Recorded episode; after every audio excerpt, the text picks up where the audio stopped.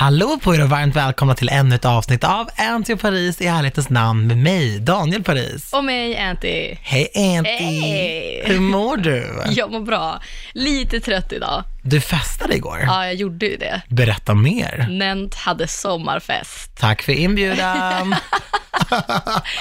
Jag var där och reppade Paradise Hotel. ja, okej. Och höll i lite beer pong, lite snurra flaskan, delade ut lite brev. Oj, du älskar ju det där. Ja, jag gjorde verkligen det. Jag fick vara i Paradise Hotel fast i Sverige. Men jag hörde att eh, Veronica Maggio, Alesso, det var riktiga artister som verkligen uppträdde. Ja, det var drag. Galet ju. Ja, det var festival i Tele2 Arena. Tele2 Arena. Jajamän! Wow, då vet man att man har personal. Alltså, Ja, det var påkostat. Folk var ju ditflugna från London, eller ja, från England och från Norge och Danmark. Så det Ah. var mycket folk.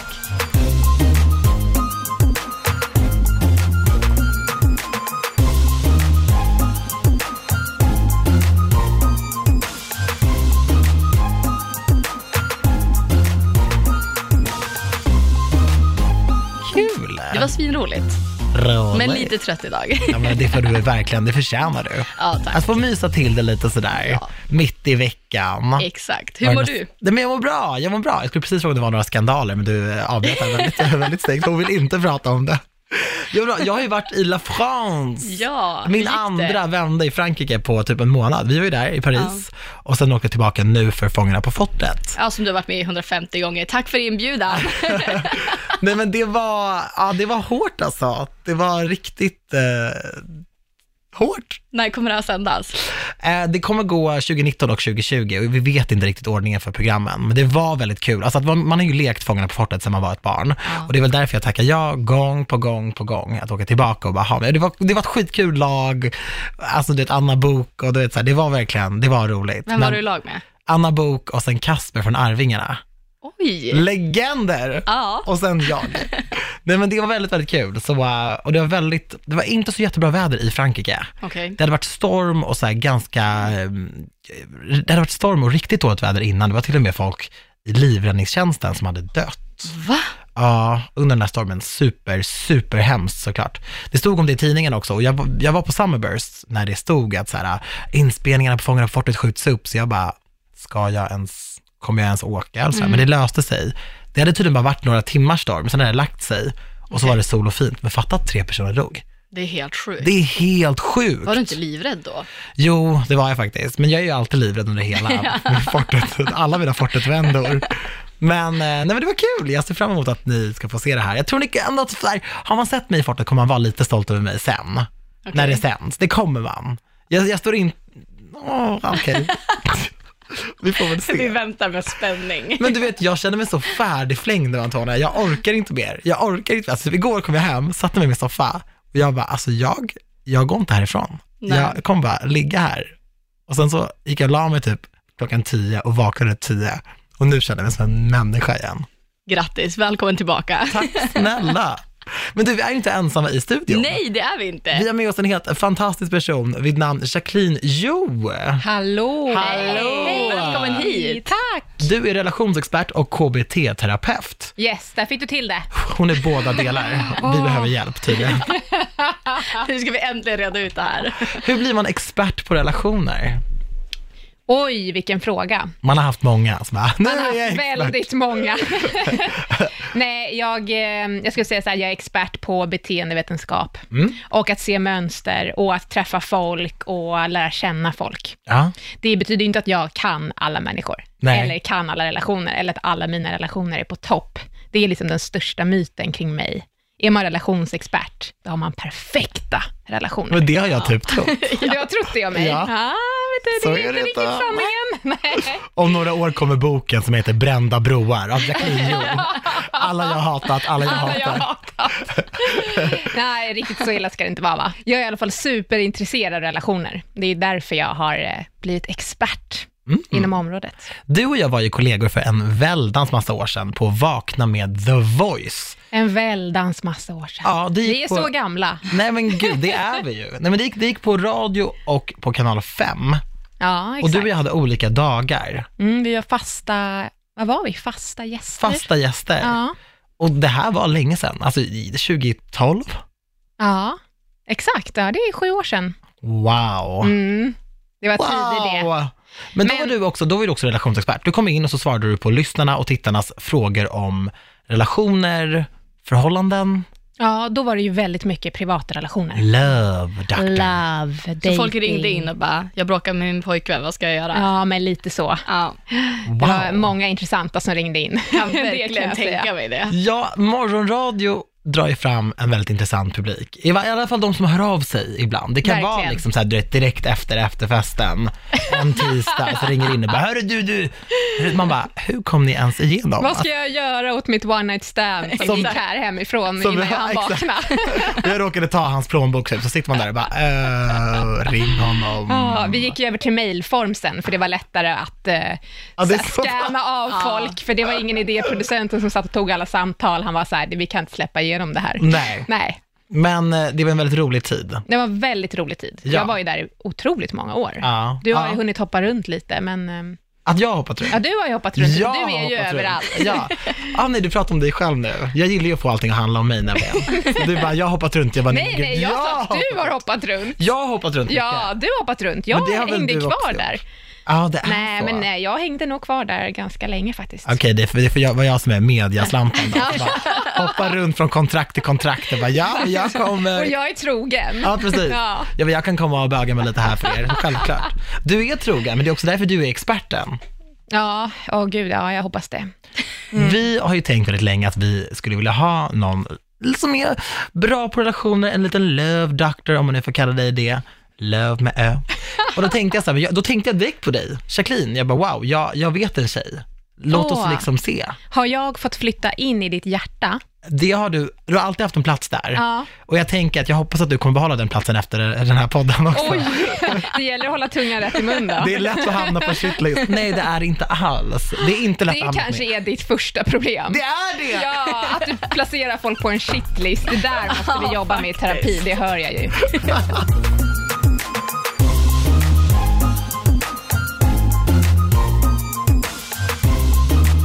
Vi har ju pratat om att du ska börja gå i terapi. Ja, och senast idag skrev jag till en kompis och bara, har du tips på någon bra?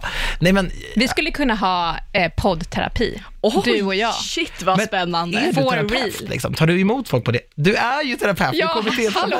ja. Nej, men jag har ju haft en privat eh, klientmottagning Ja. i ungefär sex års tid, men, men jag har ju inte den aktuell idag tyvärr. Nej. För jag jobbar ju bara mot bolag. Och ska man verkligen gå till en kompis? Jag vet inte fasen. Nej, men så bra känner inte vi varandra. Nej, det är så att sant. det krockar Ouch. ju inte. jag kan ju inte alla dina hemligheter. Nej. Nej, jag vet, det är inte som att jag skulle gå och sätta mig i liksom Antonias soffa och bara, Doctor, let me tell you. Man ska, nog- man ska nog inte vara för tajta. Det Nej, nej, man måste ju kunna vara objektiv som Exakt. terapeut. Ja. Så man kan ju inte känna med den personen som en vän och jag kan ju inte heller dra nytta av saker som sker i ditt liv och det gör ju vänner liksom. Mm. De kanske säger så här, nej men satsa på att vara singel ett tag till för att jag är det och vill att du ska vara singel. Det är det som är så farligt när man frågar Oh vänner om råd. Hur kan du vara chockad över det här? Nej, men det där har inte jag tänkt på, att det färgas av ens egen grej. Det är klart klart det det gör. gör. Ja, hallå, vi är ju subjektiva varelser. Vi väljer ju att se världen utifrån liksom, våra egna glasögon. Alltså, jag har rekommenderat vänner att skaffa partners, faktiskt. Jag har gjort det stundtals och sen så har de verkligen bara försvunnit ut där och då har jag känt lite så här, fan, Oh, jag kanske inte skulle ångrar varit dig. lika, ja men fattar ni vad jag menar? Att man känner lite så här, well, What about me? ja men lite så bara, det var, jag var ändå positiv till det här, hallå, call Men me. det är ju fint av dig. Då är ju inte du en missunnsam person. Jo, det är jag. jag är. Alltså jag är inte överunsam om du undrar det. Det kanske vi också ska jobba på. Men vad, vad är det mer som är lite så här om problematiskt med att ta för mycket grejer med sina vänner, skulle du säga? Förutom den här partiskheten. Vadå, att ha... Finns det andra grejer som är negativa sidor med att ta upp sina privata grejer med kompisar? Jaha. Ja, framför allt så ger ju en kompis ett kompisråd. Det vill säga ett råd som utgår också från deras egna erfarenheter. Ja. Och bara för att någonting har funkat för mig, så betyder inte det att det kommer funka för dig. Så att det, det bästa med en terapeut är att man ska ju aldrig ge ett råd egentligen rakt på. Och om man ska ge ett råd så måste man ju helst ge flera råd eller ge ett objektivt råd. Det gör ju inte vänner. Nej. Vänner har ju massa fakta om dig, de har egna känslor, de har varit med om egna saker och sen så fyller gärna liksom i där det finns luckor. Och så kanske det liksom låter som att de har bästa rådet för dig. Men det är absolut inte nödvändigtvis sant. Och en terapeut kommer inte slänga fram ett råd och säga, gör så här, jag vet att det är bra för dig. Förhoppningsvis inte i alla fall. En bra terapeut gör inte så. Finns det någon gång när terapeuten är så här, det här måste jag berätta för tredje part? Är det verkligen 100% sekretess med allting? Sitter du aldrig hemma med en kompis och bara, "Ah, pff, jag har haft lalala här idag, du ska veta, han är helt störd i huvudet. Nej, alltså, nej det har jag inte. Faktiskt Nej. inte. Det funkar ju inte så. Man har ju skrivit under massa bra dokument på att man ska följa etiska riktlinjer och om det där kommer ut sen om man sitter och outar någon story, då får man ju aldrig mer några jobb. Nej. Nej. Men däremot outa till en tredje part. Jag har ju en handledare som jag jobbar med. Ja. Ja, och den personen får ju höra alla mina klienters stories till exempel. Men det är ju för att jag då går på den personens legitimation. Så, att, så att det är inte så att all fakta bara stannar hos mig, utan då har ju jag en handledare eller sådär. Sen har ju jag en egen terapeut. Alltså många terapeuter och psykologer går ju i liksom samtalsterapi parallellt. Så då berättar jag ju kanske också saker, för vissa grejer som folk kommer till mig med väcker ju saker inom mig som jag måste reda ut för att kunna jobba med det här. Så att jag inte blir triggad och sen så börjar jag projicera det på dig. Exakt. Men din syrra är ju psykolog, Mm. så du vet säkert allt det här. Men för mig, jag bara, "Ah, går du hos en en psykolog? Ja.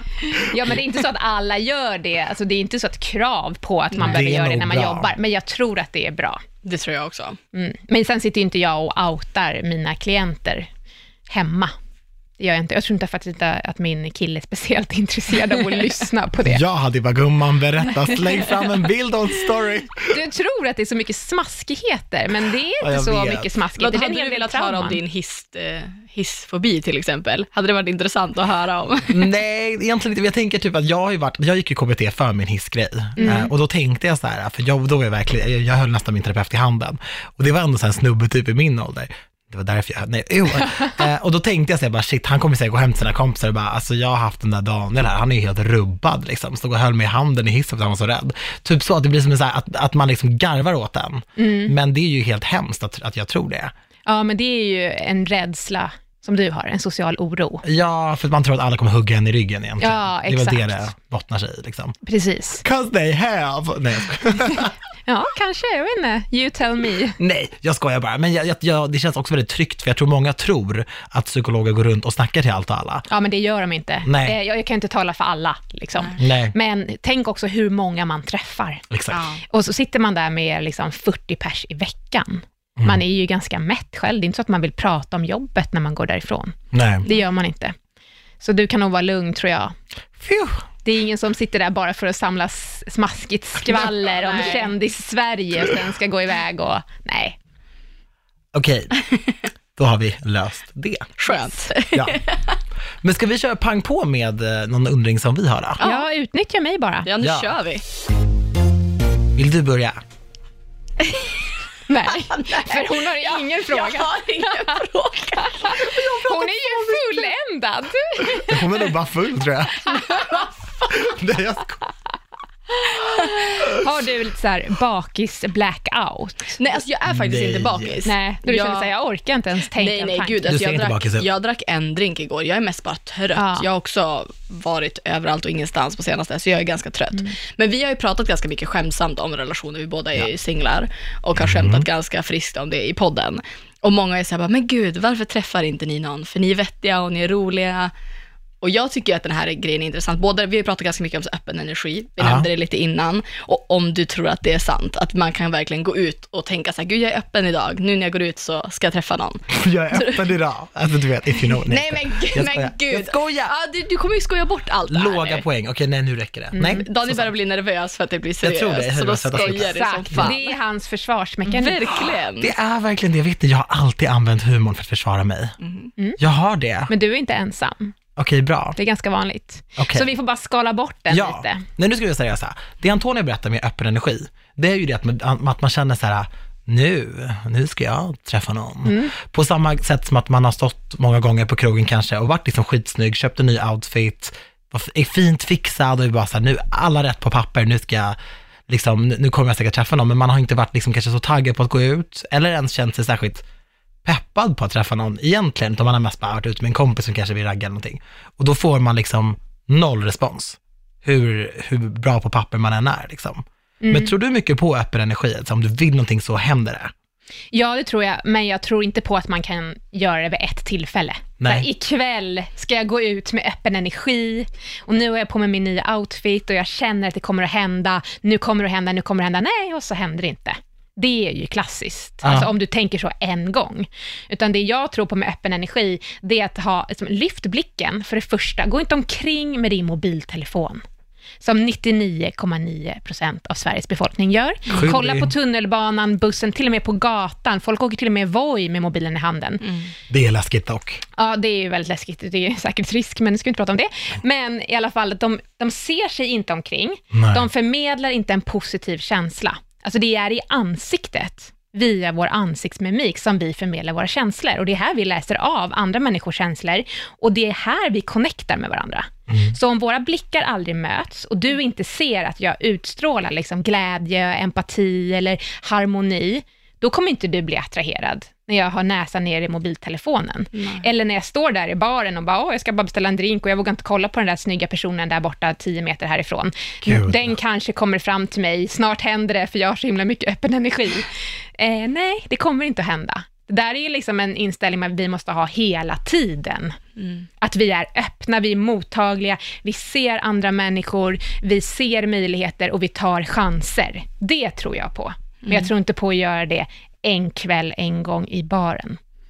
Men för jag tänker mycket på det här med att ta chanser. Ja. Jag är en väldigt safe person, om man nu kan uttrycka det så. Att jag tar hellre inte chanser, för jag är rädd för att så här, se dum ut, få dissen, känna mig bortgjord. Jag har ganska lätt för att känna mig bortgjord. Du är rädd för skam. Ja, jag är väldigt rädd för att känna skam. Mm, Är det vanligt? ja. Varför det, är det man är det? ju mänskligt. Alltså skam, rent evolutionärt, så innebar ju det att om vi kände skam, om vi blev socialt förödmjukade och gjorde bort oss inför våran tribe, förr i tiden, Ja. då fanns det ju en risk att de uteslöt oss. Mm. Och om vi blev uteslutna ur gruppen för att de inte tyckte om oss, eller vi gjorde bort oss, eller vi gjorde fel eller någonting, då var ju det samma sak som att riskera att dö, för vi kunde inte överleva ensamma. Men idag kan vi ju göra bort oss hur mycket som helst, vi kommer att överleva. Men hjärnan har inte utvecklats på över 40 000 år. Förstår ni det? Vi har exakt ja, samma hjärna. Sjuk. Det här är ju liksom instinkter som ligger så djupt inom oss. Det är därför folk är allra mest rädda för att tala inför folk, när man Ja. frågar och gör studier på det. De är inte rädda för att dö, de är rädda för att tala inför folk, för att där är risken att man känner skam som absolut störst. Så vi gör allt vi kan för att undvika att känna skam. Och framför allt då i så här privata relationer. För liksom, motsatsen till skam, det är ju att våga visa sårbarhet. Ja. Och mod är ju en form av sårbarhet. Men vi vill inte visa oss sårbara, för då finns det en risk att vi känner skam, så vi undviker hellre. Och så spelar vi coola eller tuffa eller visar liksom någon attityd av att jag bryr mig inte, eller jag vågar inte, eller jag behöver inte dig och jag känner ingenting för dig. Det där är ju också, det är bara en försvarsmekanism. Alltså, det är många gånger folk använder just uttrycket jag bryr mig inte. Ja. Och man, man bara ser på dem hur mycket de bryr sig. De bara, men varför, va? Alltså gärna om man säger det flera gånger. Ja, ja, Alltså, ja. jag, men jag bryr mig inte, men man bara, du bryr dig. Ja, och vi ska bry oss. Alltså det är precis som att vi ska vilja känna bekräftelse och söka bekräftelse. Det här med att vi är så himla bekräftelsesökande och vi måste lära oss ta tag i vår egen självkänsla och stå och titta oss i spegeln och säga, ja du duger som du är. Ja, absolut, men det kommer inte funka helhjärtat. För vi behöver söka bekräftelse och vi formar vår självbild i relation med andra människor. Mm. Så att vi behöver ju få godkännande och att någon tycker om oss och få bra positiv feedback. Det är ju också en del i relationsskapandet. Så det går liksom hand i hand med att, samma sak att vi är rädda för att känna skam. Vi är också rädda för att inte bli bekräftade, fast vi har behov av det. Men vad känner du typ kring Instagram och sånt? För det har ju bara funnits i ett par år och där kan man ju känna sig väldigt bekräftad eller väldigt, inte obekräftad, men verkligen så här, jag, alltså, jag kan ju må dåligt av saker jag läser och jag kan bli så otroligt, du vet, det kan påverka min, om jag får mycket likes på en bild, mycket kommentarer, mycket positiv respons, alltså då, då kan jag vara glad hela den dagen. Som att jag har gått och fått typ en löneförhöjning på jobbet och går någonting dåligt kan jag känna mig genuint nedstämd. Mm, men det är bara för att Instagram styr ju dina signalsubstanser i hjärnan utan att du förstår det. För det är ju bara Instagram brukar folk säga, men alltså det, det, det är Jo, inte fast det. när du tittar och du har fått massa likes eller massa bra kommentarer, då får du ju ett dopaminpåslag. Och det är belöningscentra som triggas igång. Och det är, så syftet med det är att du ska vilja ha mer. Det är det som är syftet med den känslan, liksom att söka det beteendet. Så då kommer du stänga ner och sen kommer du titta igen. Och då får du ett nytt dopaminpåslag. Och till slut så blir hjärnan så uttröttad så att du behöver något mycket större för att få samma påslag.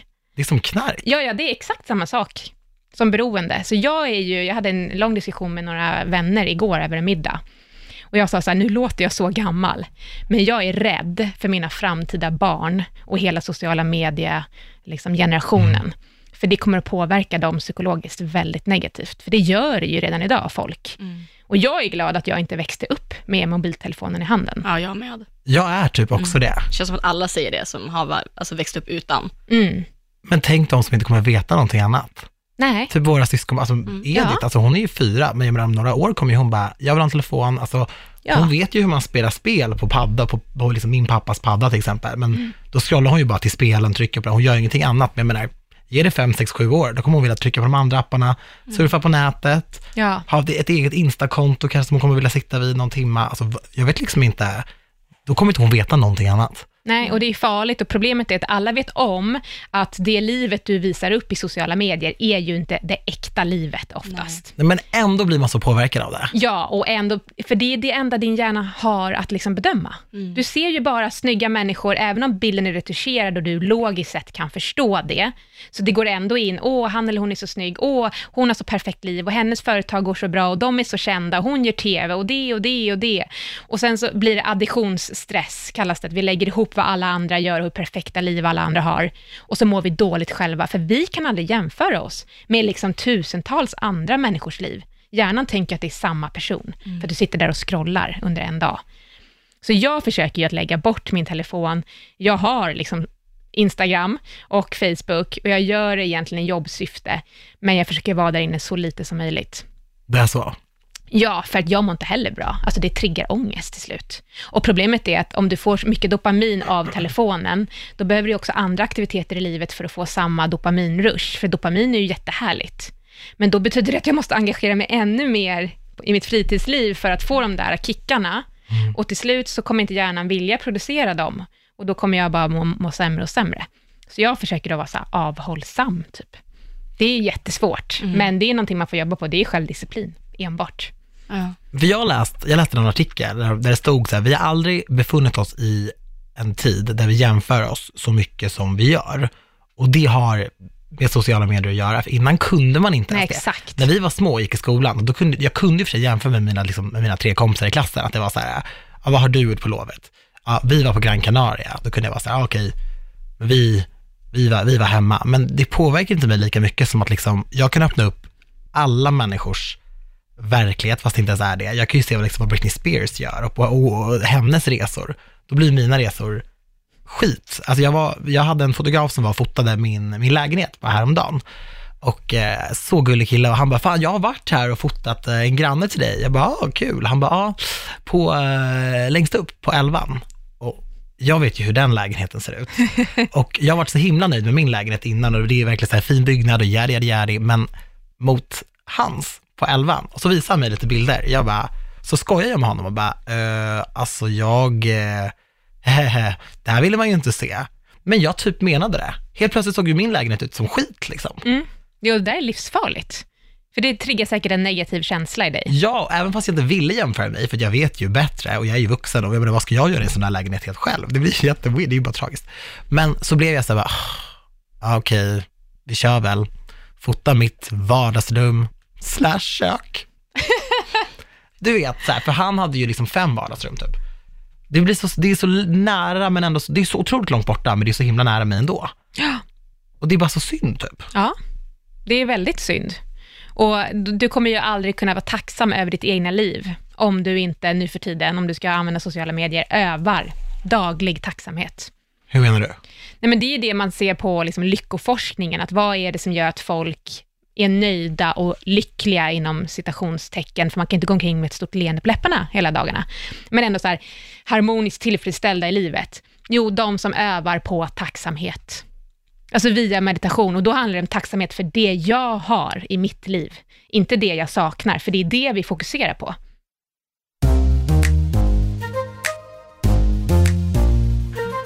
Hur kan en sån övning se ut? Men till exempel, jag använder mig av en app eh, och då är bara faktiskt Oprah och Deepak Ah. Chopra. Mm. Oh, wow! Du vet, Då man måste ju gå till liksom high class masters om du ska bli bra på något. Ja, men så här 20 minuters meditation, eh, perfekt också om man är väldigt stressad. Jag har också väldigt stressigt liv, liksom flänger runt hela tiden på nya bokningar. Att bara lägga sig ner, så har de något tema och då, och då hade jag liksom köpt så här äh, gratitude, liksom tacksamhetsmallen, typ 21 Mm. dagar. Ja, och så får man lite bra mantran, det är lite musik och man får meditera och då ska man liksom fundera på det de har pratat om under den här tiden och försöka sortera bort tankarna. Vad heter appen? Oprah and Deepak. Men upplevde du att det blev skillnad efter de här 21 dagarna? Eller Ja, gjorde det du gjorde i 21 jag. dagar? Ja, jag, gjorde, ja, jag fullföljde det faktiskt i 21 dagar. Eh, och jag upplevde att det blev skillnad. Och jag har inte fortsatt med det, Nej. men jag tänker ändå på det sättet. Mm. Jag försöker hela tiden tänka så här, men vänta, vad är det jag har i mitt liv som gör att jag mår bra? Mm. Varje dag kommer det att hända pissiga saker. Alltså Ja. ibland är de minimala och ibland är de jättestora. Men jag måste ändå fokusera på vad är det som är bra, vad är det jag har, vad är det som liksom gör mig lycklig? Inte vad är det som gör Antonia lycklig? Nej. Men det där är en konst och det är lätt att sitta här och säga och jag vet att det är svårt, det är svårt i mitt egna liv. Men jag har bestämt mig för att om det är någonting jag ska öva på, så är det det. Och ibland behöver man en kickstart. Men nu hade jag tänkt att jag ska göra om den. Ja. För man kan ju bara göra det flera gånger liksom. Vi kanske också ska prova. Ja, jag tycker vi ska ladda ner appen. Mm. För jag kan tänka ibland på att så här, okej, jag har det väldigt bra. Ibland när man jämför sig och är så här, oh, det här är så. Så kan jag tänka så, okej, men jag har ju det här, jag har ju det här, jag gör det här, jag mår så här. Alltså bara så här, mitt mående är ju bra. Bara det är ju någonting som jag behöver liksom addera på min lista, för det är ingen självklarhet. Nej, du kan ta dig ur sängen, du har energi till att jobba. Ja, Men du Det har är ett hem. ja, verkligen. Du har vänner, du har förhoppningsvis ett jobb du trivs med. Ja, Så jag menar, det, allt det där, det är ju typ det folk önskar sig. ja, Men alla där ute har någonting, tror jag, som de mår bra över. Mm. Och det behöver man fokusera på, bara om det så är två minuter om dagen. Ja. Mm. Det är också bra för att bygga på relationen till sig själv. ja, absolut. Jag tänker att man skulle kunna göra som en lista, en fysisk lista. Ja. I, i jag tänkte säga i telefonen, men, ja, men så här, i datorn, eller jag, jag har ju en papperskalender och jag, jag skriver mycket i den. Så. Men att man liksom har den som en fysisk lista över saker, så kan man addera saker som man liksom verkligen mår bra av, som får en att må bra. Så kan man alltid kolla på den. Men vi har ju också fått tips eh, flera gånger från lyssnare, det här med den här burken. Just det! återkommer väldigt många gånger, att man kan lägga ja, men positiva saker om sig själv till exempel, för att öka sin självkänsla. Att så här, jag är bra för det här, eller ja, vad det nu kan vara. Men det skulle också kunna vara en grej att så här, skriva en sak varje dag som man är tacksam för. Mm. Under de här 21 dagarna, säger vi. Och sen varenda gång man känner så här, fan, idag är det skit. Ja, men då kan man ta upp fem lappar och bara, oj, shit, jag har jättemycket att vara glad över och tacksam över. För ibland glömmer man ju bort de grejerna. Såklart. Att det Ja, de här- mest självklara är de Ja. vi tänker på. Ja. Och det behöver inte vara nya grejer heller. Nej. Alltså, Nej. man kan ju vara tacksam för att en vän som alltid kommer att finnas där, jag kommer vara lika tacksam imorgon som i övermorgon för den personen. Jag behöver inte hitta nya grejer hela Nej. tiden. Jag är tacksam för att Daniel hörde av sig och sa att jag skulle komma hit. Det är min grej idag då. Och att jag fick träffa Antonia. Visst är hon solig? Ja, hon är fantastisk. Det här låter ju så klyschigt, men så här, det där är ändå någonting så här, ett kul möte, skön energi, bra folk. Men bra dag liksom. Ja. Vet du, det där gör så himla mycket och jag har inte riktigt fattat det förrän jag eh, jobbade eh, med ett gäng människor. Och där kemin inte var på topp, bara så här gänget emellan. Um, alltid när jag liksom klev in då och skulle göra grejer tillsammans med det här gänget så märkte jag bara att så här, de vill inte kanske riktigt jobba med varandra. Jag vet inte om de kanske inte fick så bra ersättning för någonting. Lusten påverkas ju av mycket olika saker och jag kände inte dem så bra, så jag kunde inte bara, här var det stelt. alltså så skulle jag kunna säga till Antonija om vi har bråkat och bara, här var det stelt i studion, gumsan. Men vi, jag var ju inte kompis med dem.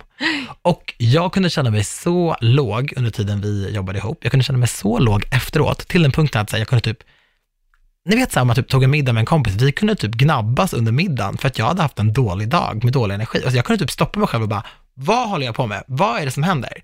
Det här är inte du, det här är verkligen bara jag och det här jobbet jag kom ifrån. För att jag var så sugit upp den där energin och sen har den bara hängt med mig som en dålig lukt typ. Men det är verkligen så. Ja, så är det. Och problemet är, jag har ju väldigt svårt för personer som säger så här, nej men han eller hon, eller till exempel jag, är sån för att jag har haft en dålig dag. Eller jag har en tuff period nu. Som att det vore en ursäkt att få spilla över på omgivningen med sin negativa energi. Alltså alla kan ha dåliga dagar, alla får bete sig illa och liksom ha jobbiga känslor, dåliga beteenden, och ovanor och liksom allt sånt där. Men man måste ändå ta personligt ansvar för vem jag är, hur jag påverkar min omgivning och hur jag kommunicerar med min omgivning. Det är ju också liksom det mest fundamentala i relationer. Att den känslan jag bär på, jag måste tänka så här, handlar det om mig, det jag har varit med om nu, eller handlar det om oss? För ibland får du massa skit, fast du inte förtjänar den. Mm. Och den typen av reflektion som kallas för mentalisering, det är någonting jag skrivit en bok om också. Det är ju liksom grunden till social kompetens och bra relationer. Framför allt relationer som är konfliktfria. Mm. För att vi är så bra på att bara liksom skyffla över våra saker på omgivningen, så kan vi liksom inte se oss själva utifrån. Och då kan vi heller aldrig förstå andra inifrån dem och deras perspektiv.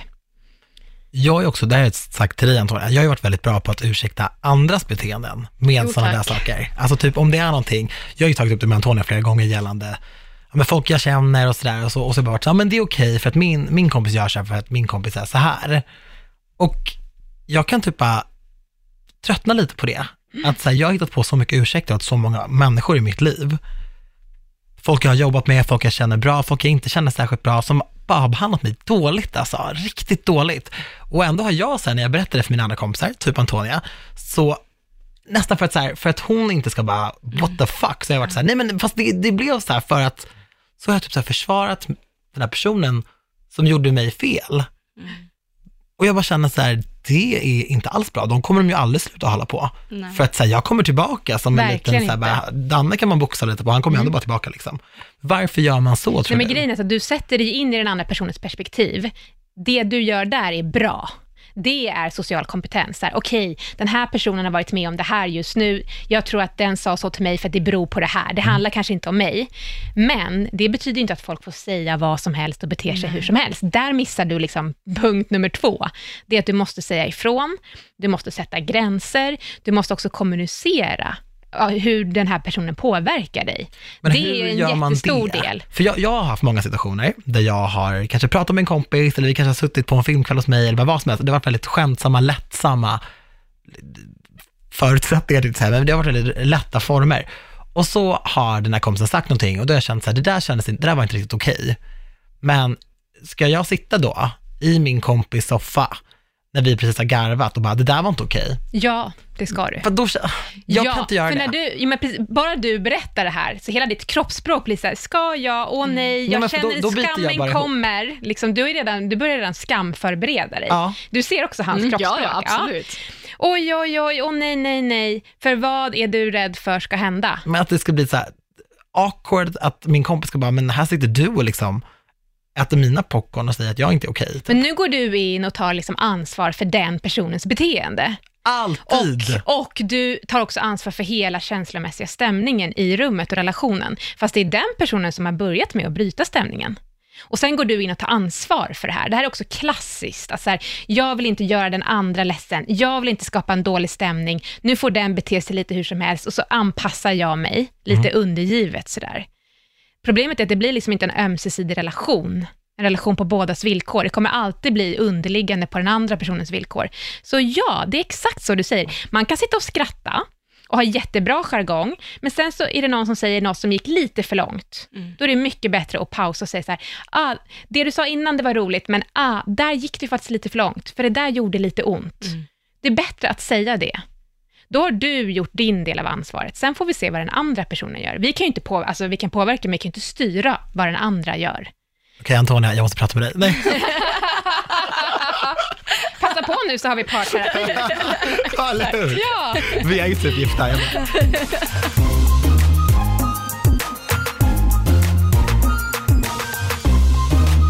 Nej men det här är så intressant. Har inte du någonsin varit i en sån situation där du bara kände så här, fan, alltså nej, det där var inte soft liksom. Jo, absolut. Och det har ju, men jag säger det ju. För jag riskerar hellre att det blir dålig stämning, än Ja. att, för jag, annars tar man ju med sig den känslan. Exakt. Och jag hatar att Jag bära... tar typ med det till dig och bara, nu Ja, ska men jag då, prata då, med dig. kommer man också, då får man ha den känslan att, fan varför sa jag ingenting? För man vet ju om att man borde ha gjort det. Jag är ofta så att om jag inte säger det på en gång, då vet jag att jag kommer resten av dagen bara, fan vad onödigt att du inte sa det. För att det blir, jag tycker snarare att då blir det konstigt om jag ska ringa upp en vecka senare och bara, du förresten för en vecka sedan så men samtidigt så så är ju det där, det är ju suveränt att du kan göra det. Du har säkert övat på det, eller så har du det naturligt. Liksom. Men de som är som Daniel då, på motsatssidan, som säger, ah, jag kan inte säga det, och så blir massa stressad. Stresssystemet aktiveras, då kan du verkligen inte tänka med frontalloben, liksom, och så, hur ska jag säga det här? Då brukar jag använda mig av verktyget smid medan järnet är kallt. Alltså inte smid medan järnet är varmt, utan när det är kallt, det vill säga, ja, gå hem, landa i den här dåliga känslan, sen ringer du upp, eller nästa gång ni ses, då säger du det när du har hunnit tänka ut på vilket sätt du ska säga det. Och du behöver inte göra en stor grej av det. Det kan vara så här, fan vad kul vi hade i din soffa förra, eller i lördags, liksom. Så himla bra jargong och roliga skämt. Men så kände jag så här, ett skämt gick nog lite långt, jag vill bara att du ska veta det, att det jag blev ledsen. Och om din vän blir sur på dig för att du säger att du blir ledsen, då behöver du fundera på, vad är det här för typ av vän? Mm. Mm. För man kan inte vara vän med folk som sen börjar tänka nu. Ja, jag ser Det det. Han så- börjar sålla. Ja. Det här är så intressant bara. Ja. Att, för jag har alltid tänkt att man är lite oskön och man bara, du, för en vecka sedan så hade vi det så kul, men det här var typ inte okej. Men Att man är en skulle du- party pooper typ. Ja, men vadå, skulle du vilja att jag gick runt och blev ledsen av saker du sa till mig och aldrig tog upp det med dig? Nej, absolut Skulle inte det kännas jättejobbigt för dig? Nej men också så här, sen är det faktiskt så att jag har ju alltid fått höra att så här, men jag är så känslig och jag, du ska alltid hålla på och gnälla och du så, men så, här, så är man ju gay och så blir det extra så här, men du är bara så här gnällig bög som bara whinar om allting och så PK järi järi järi Men vem av dina vänner skulle säga så eller tycka så om dig? flera stycken. Ja, då återigen, vad är det för vänner? Nej men då, då, men då blir jag lite så här, då spär jag ju på det när jag är så här, du för två veckor sedan så, för folk är ju väldigt så här, folk kan säga saker och sen så kan de bara så här, nej men jag skojar bara. Och då, då måste man så här, typ vara okej med det. Och då man Nej, det upp måste, det. nej, nej, nej, nej. Nej men då är det, som, det är som att man måste vara okej med det. Då tar man upp Ja. det och man bara så här, men alltså jag drev, helt oskön. Man bara, nej, nej, nej. Fast det här man måste fel. ju inte vara okej. Och, så här, och man, liksom, det är ju något allmänt vedertaget begrepp för alla andra där ute, men så här, du kanske har lärt dig att du måste vara okej med det för att den här relationen ska fungera. Men då är inte det en sund relation. Alltså du behöver kunna säga att jag blev ledsen, precis som Antonija säger. Annars går ju du och bär på någonting, så du bär på den här negativa känslan med dig och du kanske snackar skit om den här personen istället. Istället för att bara säga det. Det är mycket ärligare. Det är inte oskönt att säga det. Det är mycket ärligare att säga, prata med den som det faktiskt berör, Ja. än att prata med alla andra. För det är det vi gör i Sverige. Mm. Vi bär med oss den där påsen skit och sen så går vi och sprider den till andra och snackar skit om den här personen. Mm. Istället för att bara säga, fan, alltså du ju sårade mig. Mm. Och inte göra en, man behöver inte göra en stor grej av det. Men sen tänker jag att det låter som att du har lite livsregler som säger att om jag säger så här, då kommer de tycka att jag är känslig och då kanske de inte kommer tycka om mig. Och om de inte tycker om mig kanske de gör slut på den här relationen och då kanske jag Är blir det ensam. ovanligt att känna så här? Nej, verkligen inte. Jättevanligt. Det här har jag jobbat supermycket med i terapier. Ja. Så du är absolut inte ensam. Ja, För det känns, är må, i alla fall med podden när vi pratar om sådana här grejer, så är det ganska många som ändå hör av sig och är här, fan, jag känner mig mycket i det här liksom. Och det kan ändå vara så här, det är, lite, det är skönt för mig att höra. Jag tänker att det är ändå skönt för andra att höra också, att man kanske inte är själv. Nej, det är Man klart man aldrig inte är att man är själv. själv om saker. Nej, men man behöver hjälp. För vi har andra sidan också som Antonia som bara, men säg det, det, det är så lätt och det låter så lätt och Mm. det är fantastiskt att hon har fått den egenskapen eller det beteendet inövat så att hon kan göra det. Men på andra sidan så behöver man någon som hjälper den i små steg att säga så här. Mm. Och sen tycker jag att det är ett stort problem att folk inte säger hur de känner till varandra i relationer. Så många relationer vi har med folk och vi pratar inte om vårt innersta. Mm. Och sen har vi oerhört många relationer som vi inte borde ha, som vi bara borde göra slut på. Ja, alltså vi har ju verkligen, vi har ju pratat vänskap i några avsnitt och varenda gång vi har ställt frågor till våra följare, så här, vad vill ni att vi ska prata om när det kommer till vänskap? Så så många säger, hur gör jag slut med en kompis? Ja. För att så många har relationer som verkligen så här bara tar ens energi. Det har jag varit med om jättemånga gånger, att så här, ja men jag har behövt avsluta en vänskap eller i alla fall umgås mindre med en person för jag känner att jag får inte ut någonting av den här vänskapen. Jag är jättemycket vän till en person som inte är vän till mig. Precis, den är inte jämnbördig. Exakt, Nej. men ingen vet ju det här verktyget att göra slut på ett schysst sätt. För man återigen, som Daniel är rädd att vara oskön eller vara taskig eller göra värsta scenen av det. Så finns det något man kan ha med sig i ryggsäcken om man antingen ska prata med en vän som man känner att ja, men den tar all min energi för att få relationen att funka, eller om man bara känner att jag måste göra slut med den här kompisen. Hur gör jag? Ja, för problemet är när det kommer till parrelationer så är det socialt accepterat att göra slut. Exakt. Man säger bara så här, du, jag har tänkt på det här, jag- vill göra slut. Ja. Det är så ganska lätt. Exakt. Eh, Eller bara fuck you, it's over. om man vill vara drama queen. Så kollar båda på mig. Fuck you! Nej, men ett, det första man kan göra är, eh, drar den här personen min energi i alla sammanhang? Eller är det bara i vissa sammanhang? För så börjar jag alltid med att tänka. Att om det är någon som säger, ah, de ska alltid älta sina problem. Jag hamnar ju alltid i en sån relation, för jag är terapeut. Liksom. Nu vill mina kompisar, då, kanske en avlägsen kompis, de vill bara ses ibland och det vill de för att de vill prata om sina problem. Okej, men jag jobbar med det här, jag är inte intresserad av att lyssna på dina problem. Då tänker jag, men den där personen är ganska härlig att typ sporta med. Så jag kan ju liksom hela tiden försöka undvika att ha ett samtalsmöte med den personen. Så det finns säkert massa kompisar man kan festa med, eller sporta med, eller fika med, eller gå på bio med. Så kan man börja med att sålla. Och sen kan man glesa ut det. Jag tycker att det absolut ärligaste, det är att säga precis som till en partner. Mm. Och varför det är så himla jobbigt, det är bara för att vi är ovana vid att göra det och vi tror att det inte är socialt accepterat. Men jag har gjort slut med flera kompisar. Mm. Och ibland är det lika jobbigt som att göra slut med en partner. Ja. Och man behöver inte ha en anledning. Man behöver inte säga, du tar all min energi. Det behöver man inte säga om man tycker att det är jobbigt. Man kan bara säga så här, vet du, jag känner så här, jag har inte så mycket tid att umgås med folk, så jag vill välja de som står mig närmst. Om den här personen inte står mig närmst. Mm. Sen vad den andra personen kommer att svara, eller hur den kommer att reagera, det kan du inte styra över. Nej. Kommer den att bli arg eller ledsen? Antagligen. Ja, förmodligen. Mm. Det, då handlar det bara om att du måste lära dig att tackla när någon blir arg eller ledsen på dig. Och det måste du lära dig att tackla i livet oavsett, för det kommer hända tusentals gånger innan du dör. Mm. Så det är bara precis som att dra av ett plåster. Gör det schysst, ha en bra ton. Du behöver inte krydda med massa jobbiga detaljer. Men säg bara att jag känner inte att den här relationen är jämbördig. Mm. Jag upplever att jag får lyssna på dig ganska mycket och jag har verkligen velat det, men just nu mår inte jag bra. Jag orkar inte det. Och jag hoppas att du förstår mig. Så kan man säga. Mm. Man kan säga, jag gör slut. Punkt. Men man kanske också måste komma ihåg då att man gör det för sig själv, om personen Exakt. blir ledsen eller arg. Att komma ihåg att men det var för min skull jag gjorde det, och då kan jag inte liksom cavea bara för att personen blir arg eller ledsen. För då svarar man bara på den känslan och då gör man det återigen för den skull och inte för sig själv. Nej, precis. Och då får man väl svara så här, ja ah, okej, man får något elakt tillbaka. Okej, jag, jag hör att du är ledsen eller arg. Och jag kan förstå det, men jag står ändå fast vid mitt beslut. Mm. Det är så man svarar. Och jag har inte gjort det här för att vara elak. Nej. Jag gör det här för att det här behöver jag just nu. Mm. Och jag är jätteledsen, men jag måste tänka på mig själv. Ja. Det är liksom det enda svaret du kan komma med. För det är så lätt att man låter det gå till den punkten att när man väl tar det där, det där mötet, och när man väl sätter sig ner, är det nästan, det kan till och med bli lite gapig stämning typ, och man bara, wow, det här var inte det jag hade tänkt. Men det, det kommer ju till en punkt när man får nog. Och man egentligen ska man ju bryta innan. Ja, och det är bra att tänka på att man gör det liksom i ett bra läge, inte när vi har haft en konflikt precis. Nej. Jag har gjort slut med min allra bästa vän, som jag var supertajt med ja, i det har flera jag år. också. Ja. Mm. Och jag menar, hur kändes det för dig? Alltså det var ju skittufft. Alltså jag kan ju fortfarande tänka på henne och så undra hur hon mår och hur hon har det. Men samtidigt så vet jag att jag mådde inte bra av den relationen. Nej, så det var ju det bästa här. för mig. Ja, Så jag, efter att vi gjorde, ja, men vi gjorde slut så mådde jag ju ändå bättre, för jag behövde aldrig tänka på, jag behövde inte bära med mig besvikelse eller att så här, känna mig ja, men bortglömd i princip, för det var lite så det var. Så då behövde jag inte känna de negativa känslorna, så då umgicks jag med folk som gav mig positiva känslor, som faktiskt ringde mig, och det mådde jag svinbra av.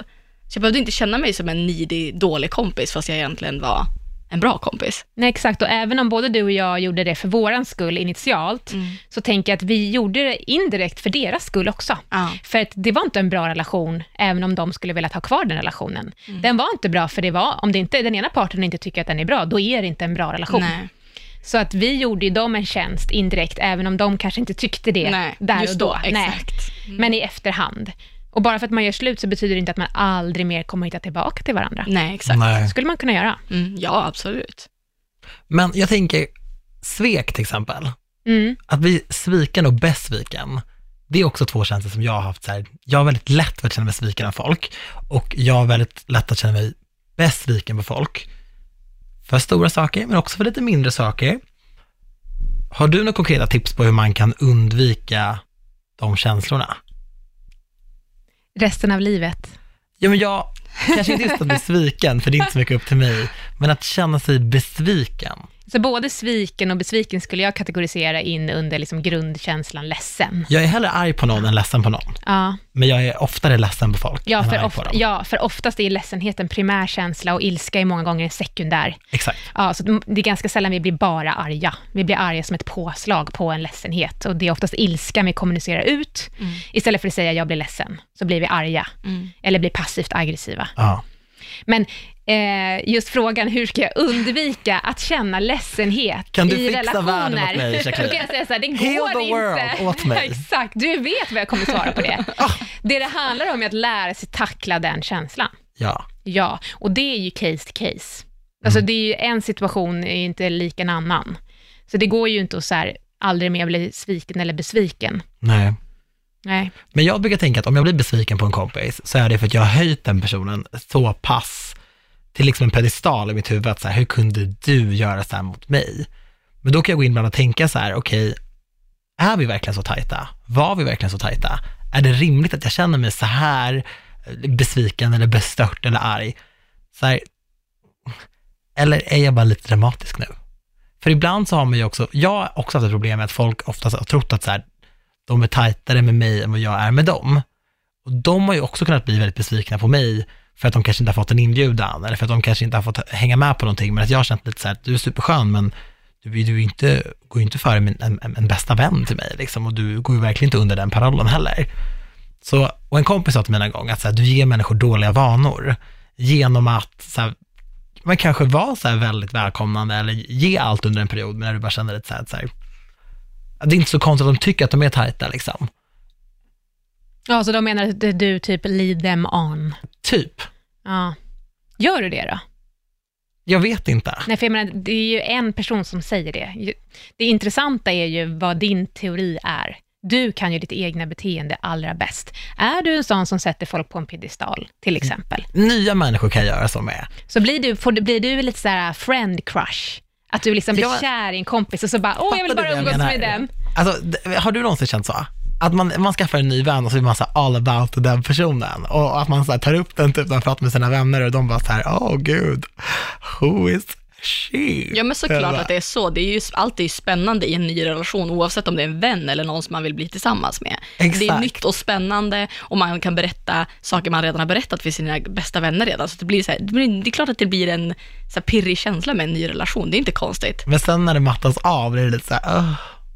Fattar du vad jag menar? Men blir du en sån då som så här slutar höra av dig? För jag menar, då har ju du ett beteende som kanske triggar det här.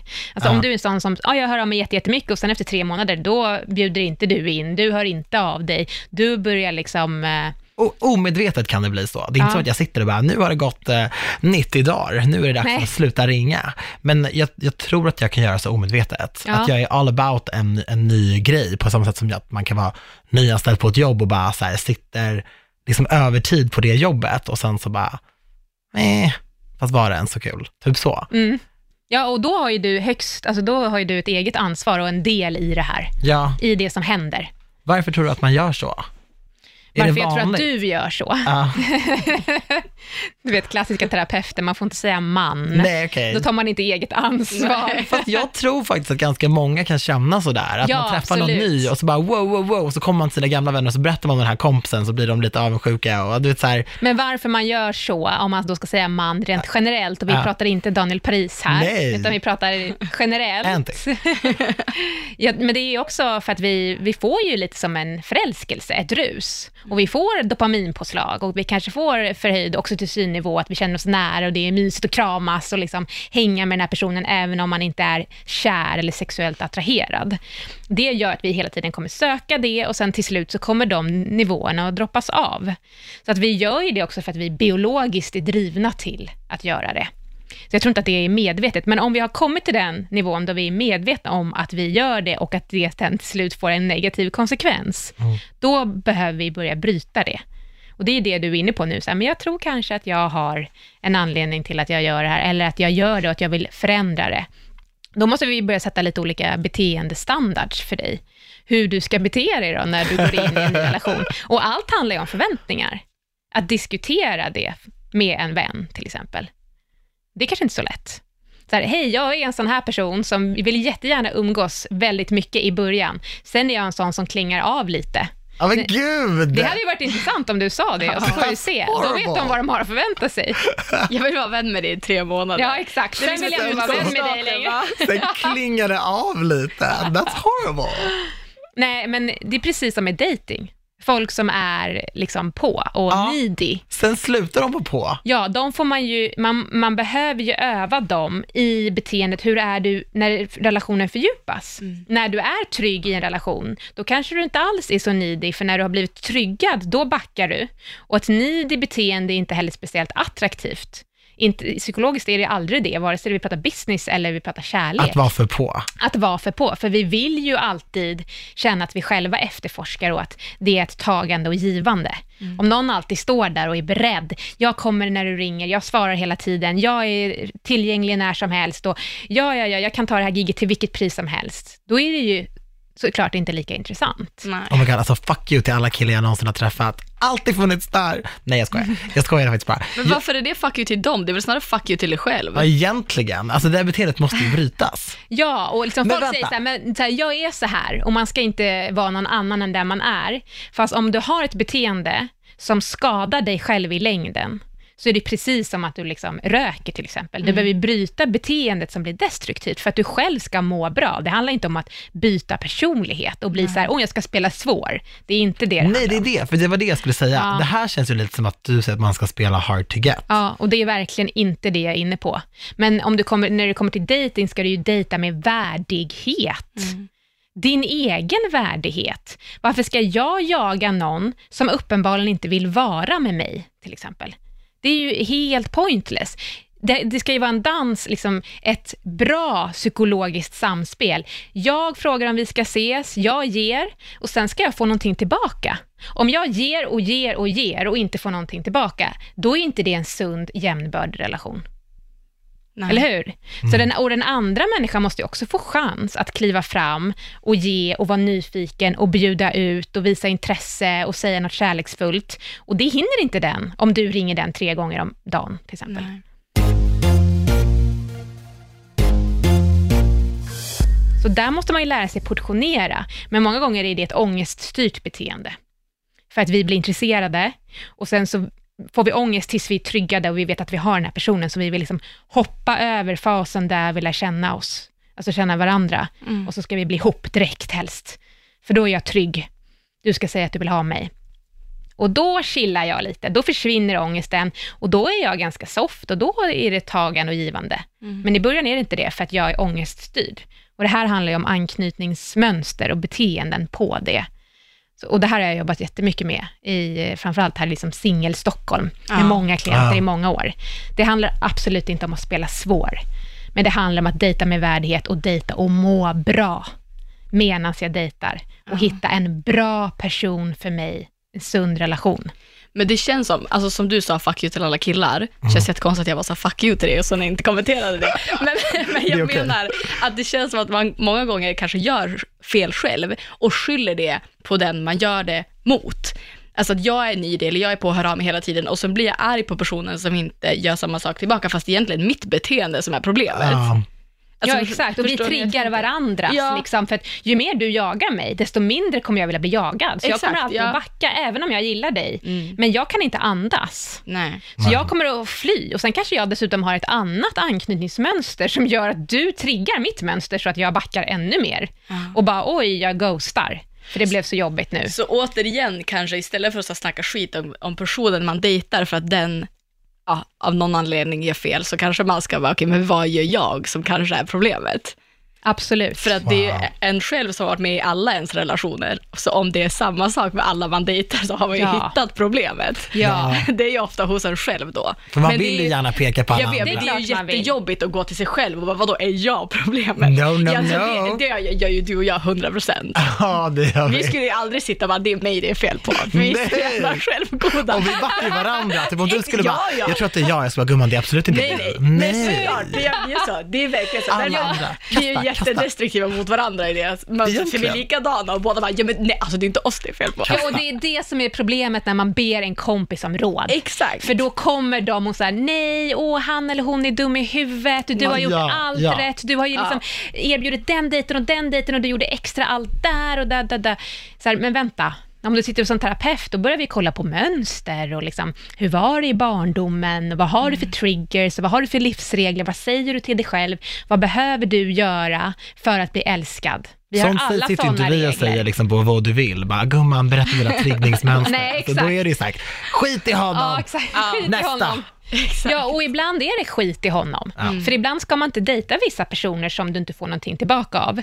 Så det, det är inte 100% ditt egna ansvar, men ditt beteende triggar alltid den andra personens beteende. Och i alla sammanhang, och det behöver du ha klart för dig. Och sen så, många gånger så dejtar ju folk eh, folk som faktiskt inte alls är intresserade. Alltså vi fortsätter att dejta dem, fast vi får dissen och sen ringer de ändå på natten. Och då åker man dit lite för man är liksom lite betuttad. Och det är också ett stort misstag, att man inte liksom klipper de här dejterna lite tidigare. Utan man hänger kvar liksom, och är någons lite plan B. Det är också någonting man måste lära sig, att jag är inte en plan B. Jag är en plan A, för jag är en bra person som förtjänar en bra människa och en bra relation. Det är också någonting man måste jobba på med sig själv. Så det är inte liksom spela svårfångad. Det är att dejta med värdighet. Jag ska fan ge ut en bok som heter Ja, det tycker jag. med Jag hade värdighet. läst den. Men om du fick bryta ner så här, tre ja till att göra på en dejt och tre nej till att göra på en dejt. För Antonia har ju mot min vilja Jag har pimpat ut Daniel. Han ska på Oj, blind date i. Göteborg. Han ska på blind date. Ja, så nu måste vi ge honom lite som man kan lägga i ryggsäcken och ta med sig på den här dejten. Ja, men alltså vet du, om ni hade frågat mig för eh, tre år sedan, då hade jag sagt blind date är typ det sämsta man kan gå på. Men vet ni att min nuvarande kille, alltså killen med stort K, mannen i mitt liv, med stort K. ja men killen med stort K, okej, han med stort H, eller hur ska jag göra? Mannen med stort M. Ja, det, det. Eh, han träffade jag på en blind date. Okej. Ah, så att nu är jag liksom omvänd. jag Jag älskar peppad. blind date. Ja. Ja. Okej, Okej. men vad ska Daniel inte göra och vad ska han göra? Eller i alla fall tänka på kanske snarare. Tre inte göras. Ska vi börja med inte? Ja. Ja. Du ska inte, nu vet jag inte vem som ska styra hur den här dejten ska gå till, men om du får styra den, ingenting som handlar om att ni ska sitta still och typ dricka kaffe eller vin eller öl eller drinkar eller någonting, där ni sitter vid ett bord och så här ska börja dejten så och småsnacka. Det var ju det som var tanken. ja, jag tror att det Var var, det det? vin som var tanken. Ja. Men vi kan ändra om. Ja, det tycker jag att Det ni är ska ju göra. jag som har roddat det här, så jag Ja. får väl rodda om. Men alltså jag vill inte köra en innebandymatch om du tror det. Alltså, den Nej. sidan, Nej, men ni kanske kan till exempel, nu vet jag inte tid och sådär, men spela biljard eller ta en promenad först, eller någonting där ni inte måste sitta, alltså face to face. Okej. För den här situationen är väldigt hotfull. ja, Speciellt om man då har ett, liksom ett bord brev, eller mitt emellan varandra. det är som ett förhör. Ja, det är ett förhör. Det är en barriär. Så sitter vi där med vår alkohol och helst vill vi dricka upp den fort. Ja. Eh, För alkohol triggar ju också och stimulerar oxytocinnivåerna, som gör att vi blir liksom lite mindre socialt stressade. Det är därför vi gärna dricker alkohol och blir sociala och bekväma. Så jag säger inte drick inte alkohol på dejten, det kan faktiskt hjälpa för vissa personer. Men gör inte det först, utan gör någon aktivitet där ni inte behöver titta på varandra hela tiden. Alltså där ni rör er, vare sig det är en promenad, eller bowling, eller biljard, eller innebandy, även om det inte var din favorit. Det blir en innebandy. Eller, precis. Det är det första. Ja. För det du vill bygga på en första dejt, det är inte är det här mannen i mitt liv-känslan, utan det är bara, vi ska ha kul. Det är det enda du ska fokusera på, Ja. att ha kul och bygga en positiv känsla. Det Okej. kommer inte genom ett forcerat samtal. Liksom. Ni behöver inte prata så mycket med varandra. Gör något som triggar känslorna. Så den aktiviteten ni väljer ska vara känslotriggande. Så därför så här, promenad är enkelt Bio. bra, men det är inte, nej. Bio är inget bra. Nej, inte bio. Då sitter ni ju still i mörkret och ni tittar aldrig på varandra, ni pratar aldrig med varandra. Det finns ju inga känslor. Och då gäller det att ni väljer en film då som triggar någon bra känsla. Och Alltså det jag och Antonija brukar gå på bio. Jo, men ni är ju inte på dejt. Nej. Nej, jag skojar. Jaha, oj Daniel, vi måste prata. Kompisdejt. Men jag tänker också en sån grej, säg bowling till exempel, om jag skulle gå på dejt Ja och men gud, bowla. rännan. Ja, det där är pinsamt. Men jag, nej, men inte det, utan jag är ju livets tävlingsmänniska. Eh, mm. Så att det skulle ju trigga väl en så här hetsig, ganska ocharmig sida hos mig. Men då får ju du, om du vet om det, så behöver ju du hålla igen det Mm. Fast det, lite. det går inte. Jo, jo, jo, jo, jo, jo, jo, det går, jag lovar. Antonija blir alltså lack. Det är Okej, och verkligen det, det är verkligen inte bra. Bita då- men så här, det är också en del av dig. Ja. Så, att, så här, det är inte dåligt att din tävlingsinstinkt kommer fram. Nej. Det gjorde det på- på min blind date. Vi var i en spelhall liksom. Ja. Jag är också så här, nu jävlar ska jag Alltså jag och vinna. Antonija har ju varit i en spelhall. Ja. I'm not going back there. Men jag är inte så dålig förlorare, det är inte. Nej, men det är jag, bra. jag är en dålig vinnare. Ja. Alltså jag är en sån som bara, Nej, nej, nej, nej, nej. Ja, exakt så är jag. Men det är ju Typ när vi ganska käkar. lätt att så här, bara vara tyst då. Ja, det, ja. Alltså, jo, det är Det, sant. jag tror ju inte att du inte skulle kunna... Nej, det är faktiskt sant. Och kanske om jag vill impa på någon så kanske jag skulle kunna Ja. skära Ja, ner så på du behöver ju grann. liksom inte låtsas förlora, för det tycker jag inte man ska göra. Nej, men det är också så här, för att om jag skulle gå på dejt med någon så vill jag gärna se om den personen är helt så här, jag bryr mig inte, för jag vill ju gärna att någon också ska vara, ha lite så här passion och också typ, ja men gilla att tävla till exempel, det tycker jag är ganska trevligt. Mm. För om jag sen skulle vilja tävla med den här människan någon gång i, i framtiden och personen bara skulle bara, jag bryr mig inte, du kan vinna, jag skiter i det här. Då hade jag bara, vad fan, hallå? Mm, för Du då är det ändå inte så bra match. Exakt. Men då är det exakt en sån aktivitet du ska välja. Ja. Och sen ska du bara hålla lite ner på den här dåliga, eller bra, Bra vin- vinna- dåliga vinnaren. Dåliga vinnaren, ja exakt. Hon får stanna hemma. Ja, och se hur är han då? Det är Ja. ju intressant det samspelet liksom. Ja. Så det är inte så här, där, det ska jag inte välja, utan jo, det ska du välja.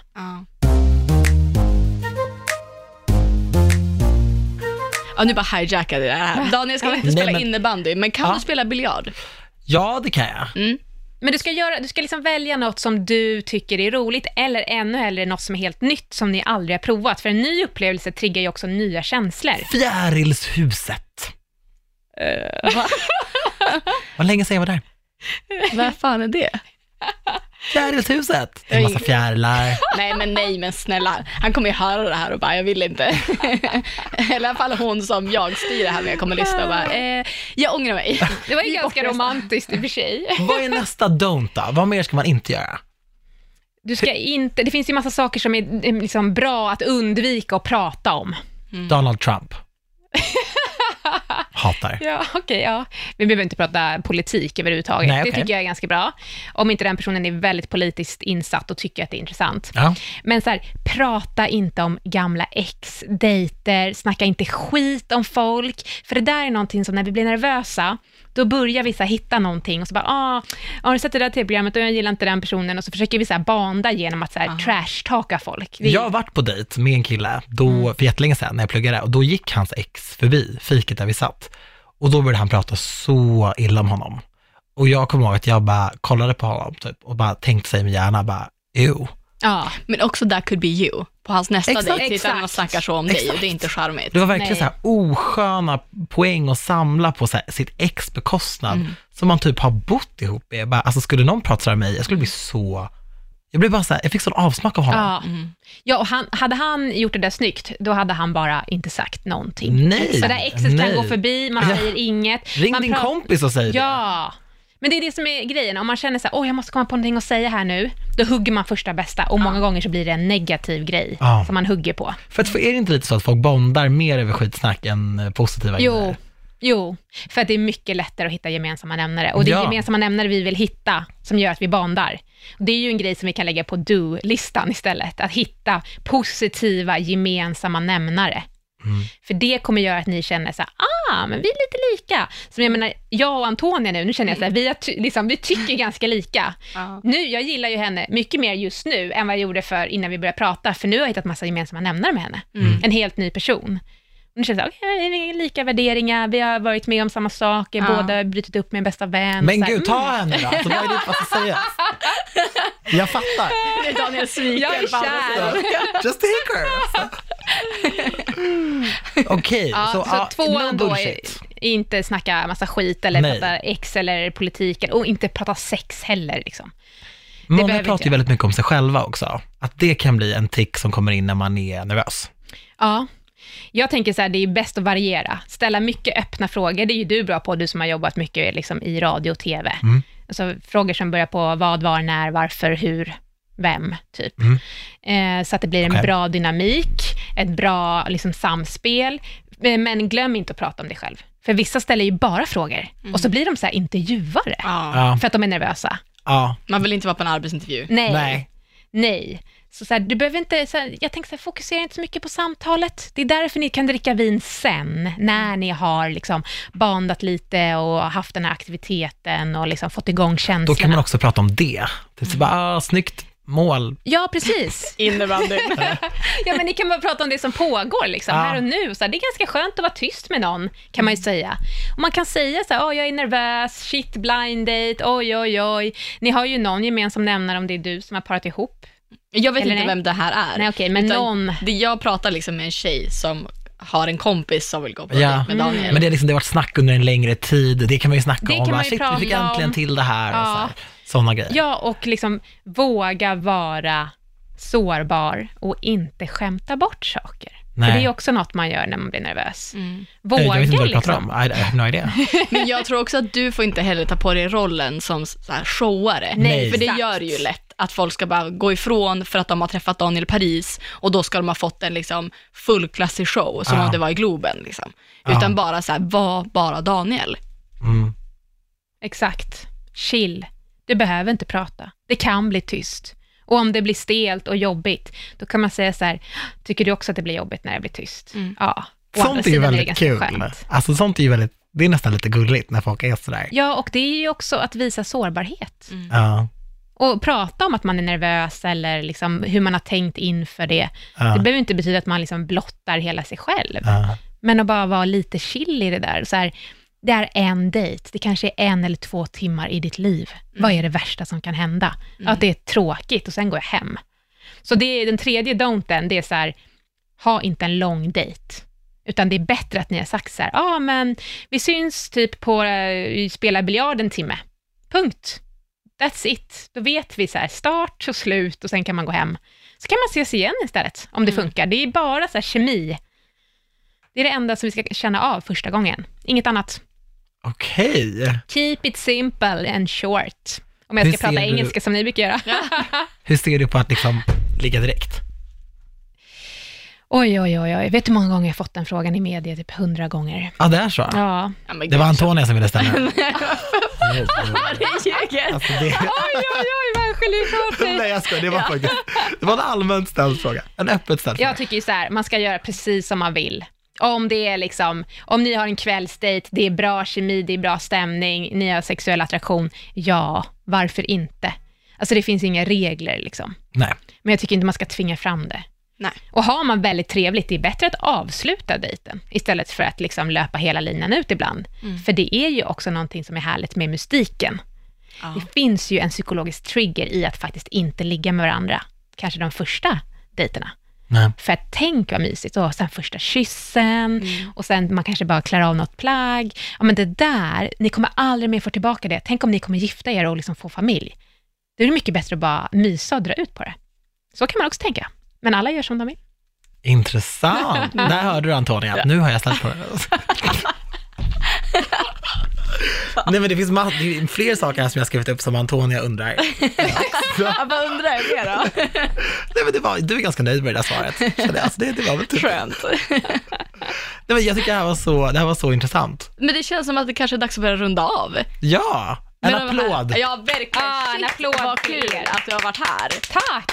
Jag, alltså, jag känner mig bara så jag sitter och bara flinar. Det här, det här är så jävla bra avsnitt. Jag med. Ja, och jag älskar att få vara här i Ja. eran stämning. Och nu är jag så himla nyfiken på hur den här blind daten kommer gå. Så du måste ju skriva till mig sen Daniel. Självklart. Du får fortsätta lyssna för vi kommer avhandla det i, eh, i podden också. Ja, så jag får ingen privat. Jo, det får du. Jag kan ringa dig. Jag vill ju ha alla detaljer, hallå? Alla kan ska, jo, alltså vad håller jag på med?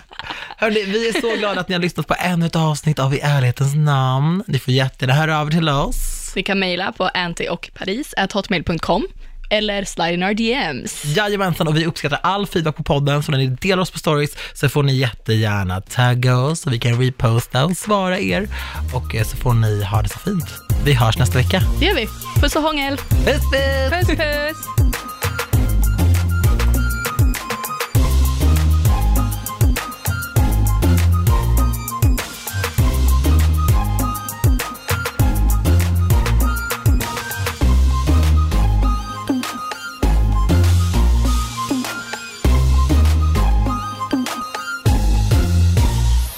Produceras av I Like Radio. I like radio.